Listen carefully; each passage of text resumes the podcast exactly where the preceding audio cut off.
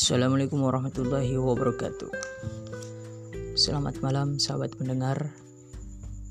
Pada malam hari ini, semoga kita semua diberi kesehatan serta dimudahkan segala aktivitas kita semua. Saya Mufli dari jurusan Komunikasi dan Penyiaran Islam akan menemani ruang-ruang istirahat Anda pada malam hari ini saya akan uh, berbagi tentang sejauh mana efek virus corona terhadap pertumbuhan ekonomi Indonesia. Akhir-akhir ini hampir berbagai negara yang mengalami musibah yang sangat besar yang disebabkan oleh munculnya virus corona atau biasa yang disebut dengan COVID-19 awal muncul wabah virus corona ini berasal dari makanan ekstrim dari Cina yaitu kelelawar dan lain sebagainya. Wabah virus corona ini telah memakan korban begitu banyak dalam waktu yang sangat singkat dengan sifatnya yang mudah menyemar baik dari udara dari benda-benda yang kita pegang sehari-hari bahkan sampai kepada sentuhan fisik. Nah Cina melakukan tindakan yang serius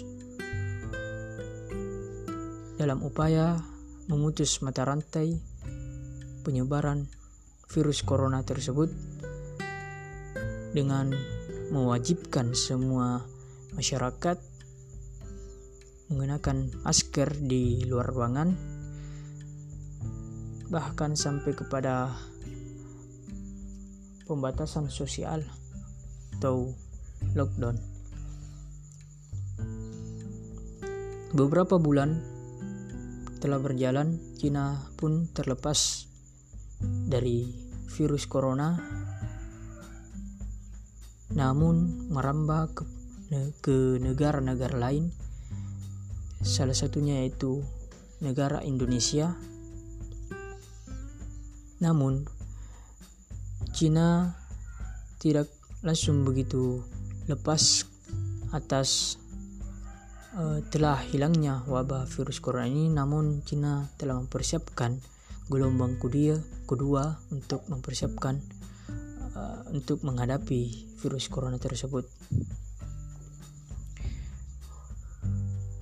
Indonesia adalah salah satu dari beberapa negara yang terpapar uh, dampak dari virus corona ini yang telah menimbulkan beberapa musibah baik dari segi kesehatan, dari segi ekonomi, dan dari segi kesejahteraan masyarakat. Sejumlah ekonomi dan bahkan menurut organisasi kesejahteraan ekonomi dan pembangunan menyatakan dampak wabah virus corona ini lebih buruk daripada krisis ekonomi global pada tahun 2008. Krisis ekonomi global pada tahun 2008 akibat terjadi sentimen pasar pada lembaga keuangan seperti perbankan dan pasar modal yang kemudian mempengaruhi stabilitas ekonomi dunia. Sedangkan wabah corona langsung mengecam keselamatan dan kesejahteraan, menghambat mobilitas manusia dalam kehidupan sehari-hari, sehingga berakibat pada merosotnya sektor ekonomi seperti industri perdagangan, hotel, manufaktur, dan produksi UMKM.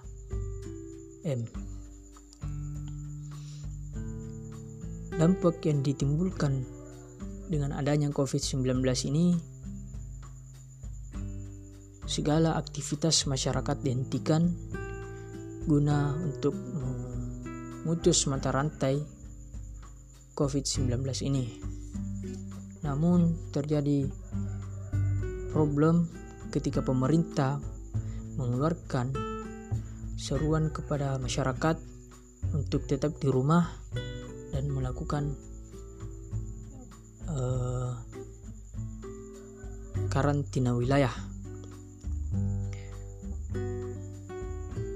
Bagaimana nasib bagi mereka yang pedagang asongan, pedagang pedagang kecil, nelayan pertanian. Ketika disuruh lockdown dan tetap tinggal di rumah telah resah karena ketika mereka tidak melakukan pekerjaan seperti biasanya dia tidak mampu memenuhi kebutuhan kebutuhan keluarga mereka sementara pemerintah mengeluarkan bantuan tidak mungkin langsung merata kepada seluruh masyarakat di Indonesia ini. Terlebih lagi, salah satu kasus yaitu ojol yang monoton pencarian mereka yaitu ojol.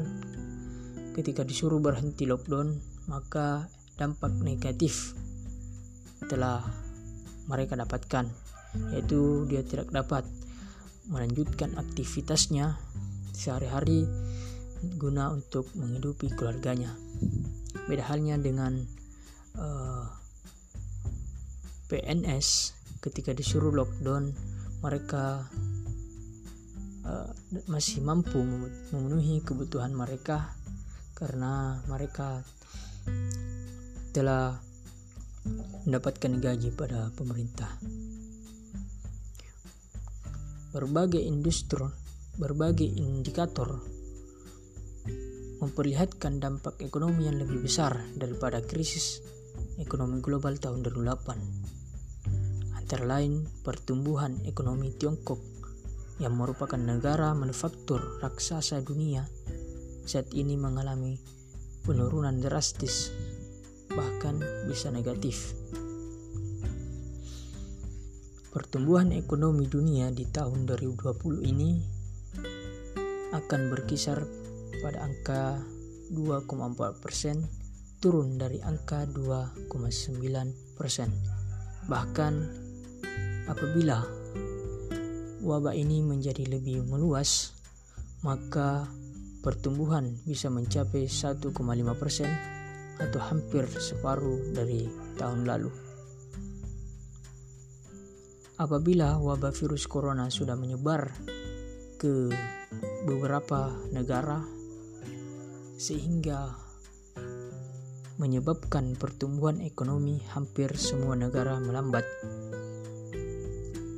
Pertumbuhan ekonomi Indonesia pun yang semua diperkirakan bisa menembus angka 5% diperkirakan akan anjlok ke angka 4,08%. Sebagaimana kita ketahui juga bahwa Bank Indonesia telah merevisi perkiraan pertumbuhan ekonomi pada tahun ini menjadi 5% sampai 5,4% dari sebelumnya 5,1% sampai 5,5%. Apa yang harus kita lakukan dalam kondisi perekonomian seperti ini? bagaimana kita memenuhi kebutuhan sehari-hari bagi pekerja karyawan eh, perdagangan kita pekerjaan petani nelayan dan ojol mereka kebingungan untuk memenuhi kebutuhan sehari-hari. Sedangkan pemerintah telah memberikan bantuan tidak mungkin begitu merata. Pertama, kita harus lakukan pada situasi seperti ini. Kita harus fokus memperkuat uh, saling memperkuat untuk menghadapi wabah virus corona ini. Saling memberikan semangat untuk melawan COVID-19 ini dengan cara mengikuti arahan pemerintah. Semoga virus corona ini dapat terselesaikan. Adapun dampak baik buruk uh, yang telah dikeluarkan oleh pemerintah presiden RI mengeluarkan himbauan baru terkait dengan larangan mudik lebaran 2020.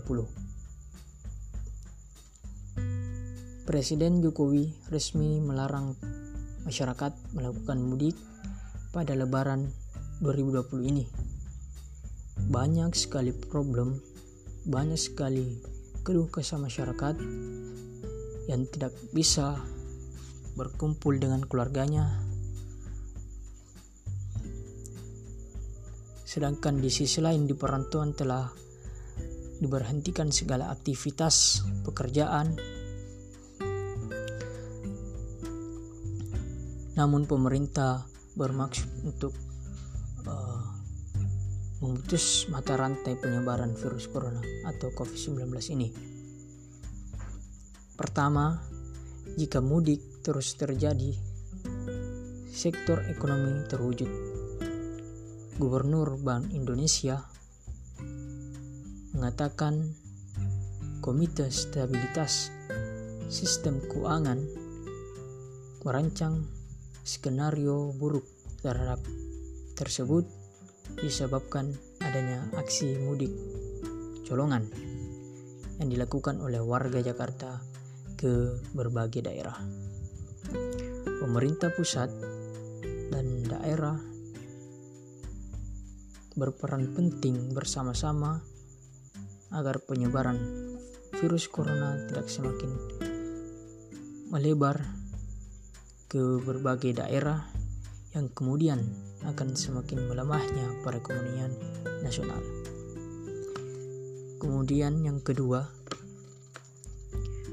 pengusaha tradisi transportasi khawatir terjadi PHK dalam kondisi seperti ini.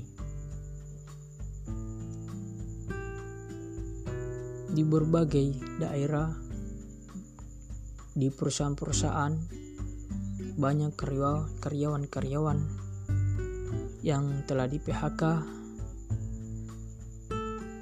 dan kebingungan. Sementara pemerintah mengeluarkan himbauan untuk larangan mudik di tahun 2020 ini. Organisasi Angkutan Darat atau Organda Provinsi DKI Jakarta mendukung langkah Presiden Jokowi yang menerbitkan aturan larangan mudik tahun 2020 pada tanggal 21 bulan 4. Aturan ini dihadapkan diharapkan dapat memutuskan mata rantai COVID-19 yang telah kita hadapi bersama-sama di berbagai negara pula. Dan yang ketiga, larangan mudik demi ekonomi nasional lebih baik. Direktur Institute for Development of Economy menyebut bahwa kebijakan pelarangan mudik berpotensi menurunkan ekonomi nasional sebab tradisi mudik menjadi ladang emas bagi pertumbuhan konsumsi masyarakat namun inilah cara yang harus ditempuh untuk memutus mata rantai COVID-19 ini. Mudik ini biasanya dijadikan amunisi pertumbuhan ekonomi mobilitas orang akan diakui pertumbuhan konsumsi rumah tangga.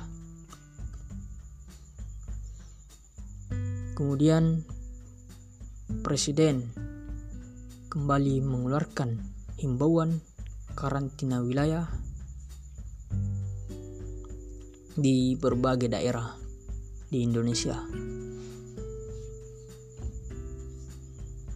Menyebabkan bagi masyarakat yang dasarnya menggantungkan hidupnya baik itu penjualan asongan dari perdagangan kecil bahkan nelayan langsung memberikan dampak negatif bagi mereka. Sehingga pemerintah mengeluarkan bantuan selama COVID-19 ini masih aktif.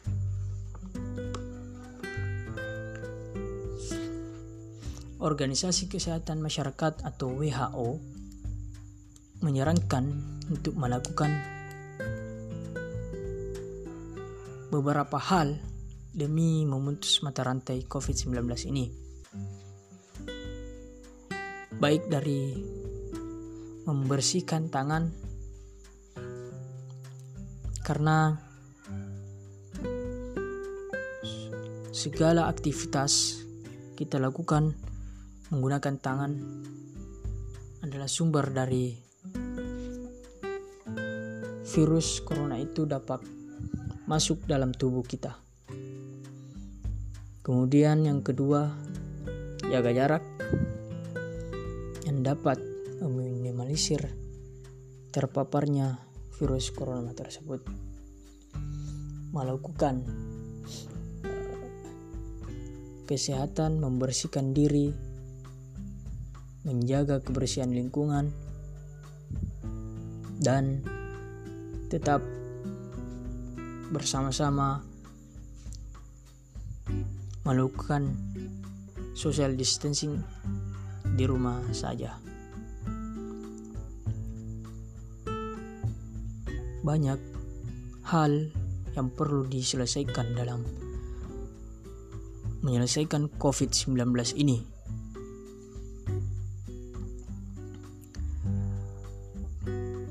Pemerintah kembali mengeluarkan kebijakan atau himbauan PSBB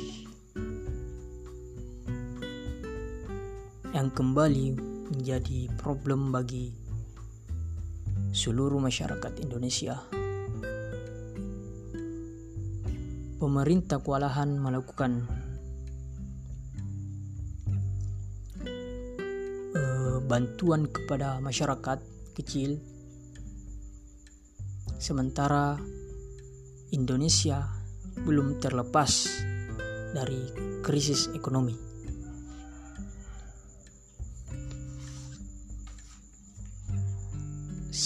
Sebetulnya, kejadian wabah virus corona ini adalah sebab akibat yang di mana sebabnya adalah munculnya COVID-19 sehingga memunculkan akibat dari COVID-19 itu. Salah satu di antaranya segala aktivitas masyarakat terhenti. Sehingga perekonomian pun menyusut dan mengalami krisis ekonomi. Walaupun sebetulnya Indonesia telah berupaya untuk menangani COVID-19 ini sehingga saya himbau kepada sahabat pendengar pada malam hari ini marilah kita sama-sama berjuang melawan COVID-19 ini dengan mengikuti himbauan pemerintah dengan mengatasi sebabnya dulu. Kemudian kita sama-sama mengatasi akibat yang telah ditimbulkan oleh COVID-19 ini. Semoga apa yang saya sampaikan pada malam hari ini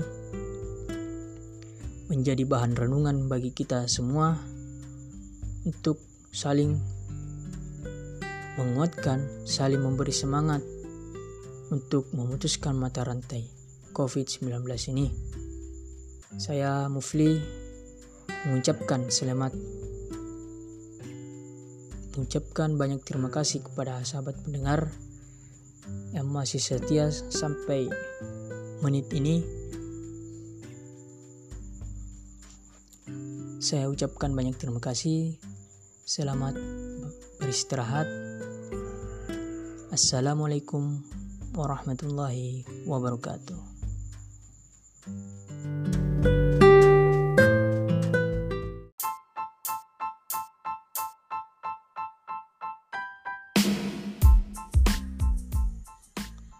Assalamualaikum warahmatullahi wabarakatuh. Saya Mufli akan menemani ruang istirahat Anda selama 15 menit ke depan berbincang-bincang mengenai satu jurusan yaitu jurusan KPI Komunikasi dan Penyiar Islam. Jadi sahabat pendengar yang akan memasuki perguruan tinggi mungkin memiliki berbagai pilihan, memiliki banyak pilihan jurusan apa sih yang tepat untuk digeluti pada perguruan tinggi nantinya.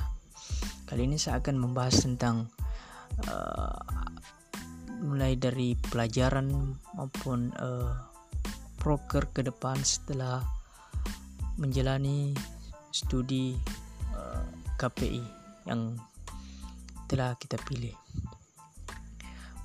Mungkin sahabat pendengar bertanya, KPI itu apa sih? Nah, KPI itu adalah komunikasi dan penyiar Islam. Jadi eh, KPI ini memiliki tiga uh, tripotensi di dalam uh, dan suatu dan menjadikan uh, suatu keunggulan bagi uh, jurusan KPI yaitu termasuk uh, broadcasting, public speaking dan writing. Nah, mungkin uh, sahabat pendengar ber, uh, bertanya-tanya kenapa ada jurusan KPI dan uh, ilmu komunikasi. Nah, perbedaan dari jurusan KPI dan ilmu komunikasi memiliki keunggulan masing-masing. Ilmu komunikasi hanya pada uh, fokus pada komunikasi itu sendiri beda halnya dengan uh, eh,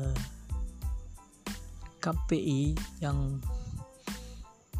mencangkup uh, berapa skill di dalamnya baik itu public speaking dan uh, broadcasting. Nah itu perbedaannya. Jadi uh, sahabat pendengar yang memiliki bakat uh, foto mau berbicara di depan umum jadi ini adalah jurusan yang tepat bagi kalian semua yang memiliki hobi-hobi uh, kameramen maupun uh, berbicara di depan umum. Kemudian mata kuliah eh, KPI itu sendiri berbagai macam mata kuliah. Yang terpenting salah satunya yang menunjang skill itu broadcasting dan uh, public speaking. Jadi jangan ragu untuk terjun untuk mengasah kemampuan sahabat pendengar yang memiliki skill foto maupun uh, berbicara di depan umum. Jadi yang ingin bercita-cita jadi presenter maupun jadi editor mau jadi kameramen dan pencerama. Nah, di sini adalah tempat kalian untuk berproses. Di dalam jurusan KPI nantinya kalian akan mendapatkan eh, praktek. Tentu saja tidak hanya teori, namun praktiknya pun akan diterapkan di dalamnya.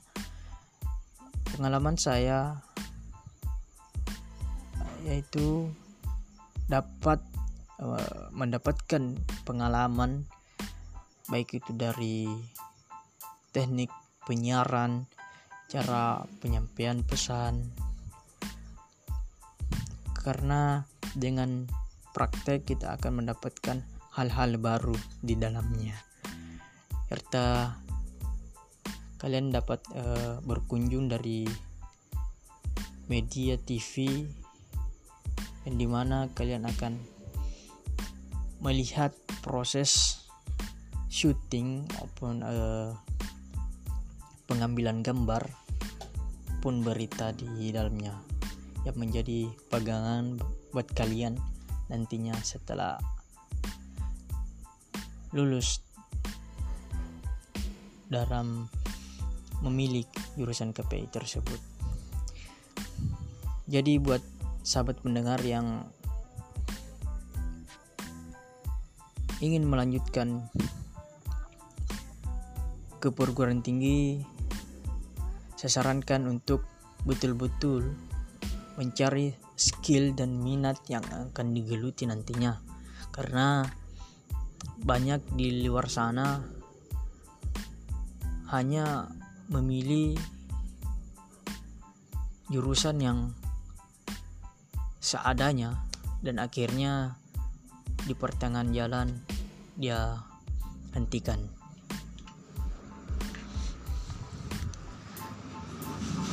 Jadi yang memiliki uh, ketika kita akan terjun ke perguruan tinggi saya memberikan saran bahwa tanyakan pada diri Anda apa yang tepat untuk saya geluti nantinya agar terjadi kekecewaan nantinya. Nah, jurusan KPI ini sih memiliki keunggulan yang memang mendukung sekaligus uh, terpotensi bakat dari teman-teman sekalian baik dari penceramah dan broadcasting dan public speaking. Nanti kalian akan belajar cara pegang kamera maupun uh, teknik berbicara di depan umum. Itu uh, bayang-bayangan yang saya berikan kepada sahabat pendengar yang memiliki minat untuk terjun uh, jadi penceramah bisa maupun uh, editor dan kameraman. Kenapa saya pilih jurusan KPI? Karena sangat cocok dengan hobi saya itu editing maupun uh, broadcasting sehingga saya memilih jurusan KPI dan komunikasi penyiaran Islam. Kenapa sih kita pilih komunikasi dan penyiaran Islam? Karena setiap perjalanan tak lepas dari ajaran Islam di mana jurusan KPI ini memiliki mata kuliah membahas tentang agama sehingga tak tertinggal untuk mendalami agama Islam yang kita anut sebagai umat Islam. Pada saat memilih jurusan, teman-teman harus bertanya pada diri Anda bahwa apa sih yang tepat untuk saya geluti nantinya. Nah, di jurusan KPI itu.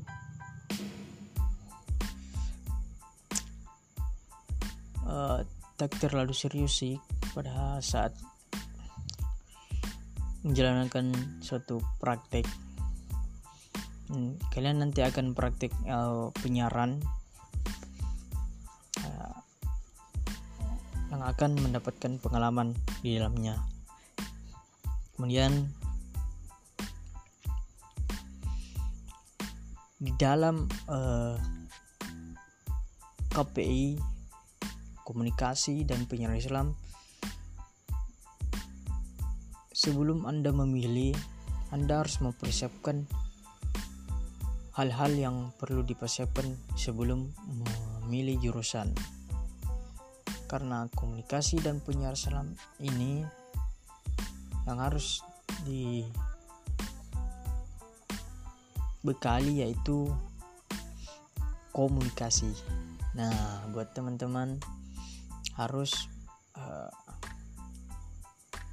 bersedia menyiapkan konsep uh, komunikasi itu apa dan mempelajari komunikasi dan penyiaran itu sendiri sehingga pada saat telah terjun di suatu jurusan kalian tidak akan kaget melihat uh, mata kuliah yang diguliti. Sehingga kalian uh, akan nyaman untuk melanjutkan proses dan dari pilihan yang kita pilih. Jadi buat teman-teman saya harap tidak memaksakan diri untuk uh, berproses pada jurusan yang memang tidak sesuai dengan uh, minat dan bakat yang kita inginkan. Dengan adanya jurusan KPI komunikasi dan penyiaran Islam mem sangat membantu buat sahabat pendengar untuk mempelajari hal-hal baru dari studio mungkin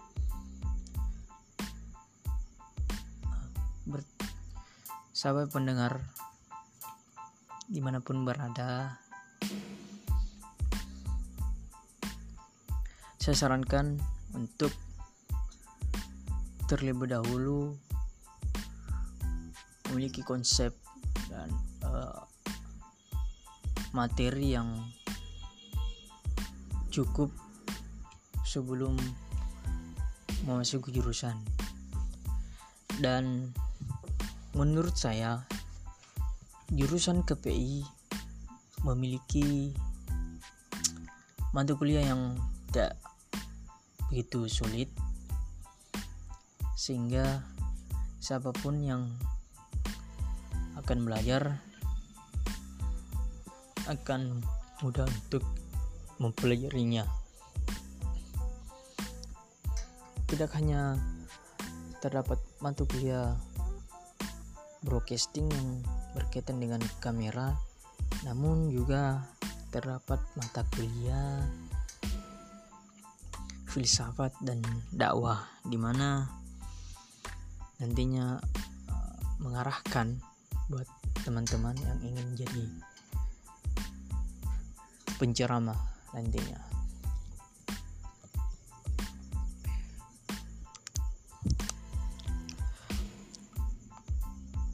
Sahabat mendengar di mana pun berada, mungkin itu yang sempat saya sampaikan. Mudah-mudahan uh, apa yang telah saya rekomendasikan membantu Anda untuk mendapatkan bayangan seperti apa sih itu jurusan KPI Komunikasi dan Penyiaran Islam sehingga pada saat pemilihan jurusan tidak lagi canggung dan kaget ketika telah memilih suatu jurusan. Mungkin itu saja yang sempat saya sampaikan. Lebih dan kurangnya mohon dimaafkan. Wabillahi taufiq wal hidayah. Assalamualaikum warahmatullahi wabarakatuh.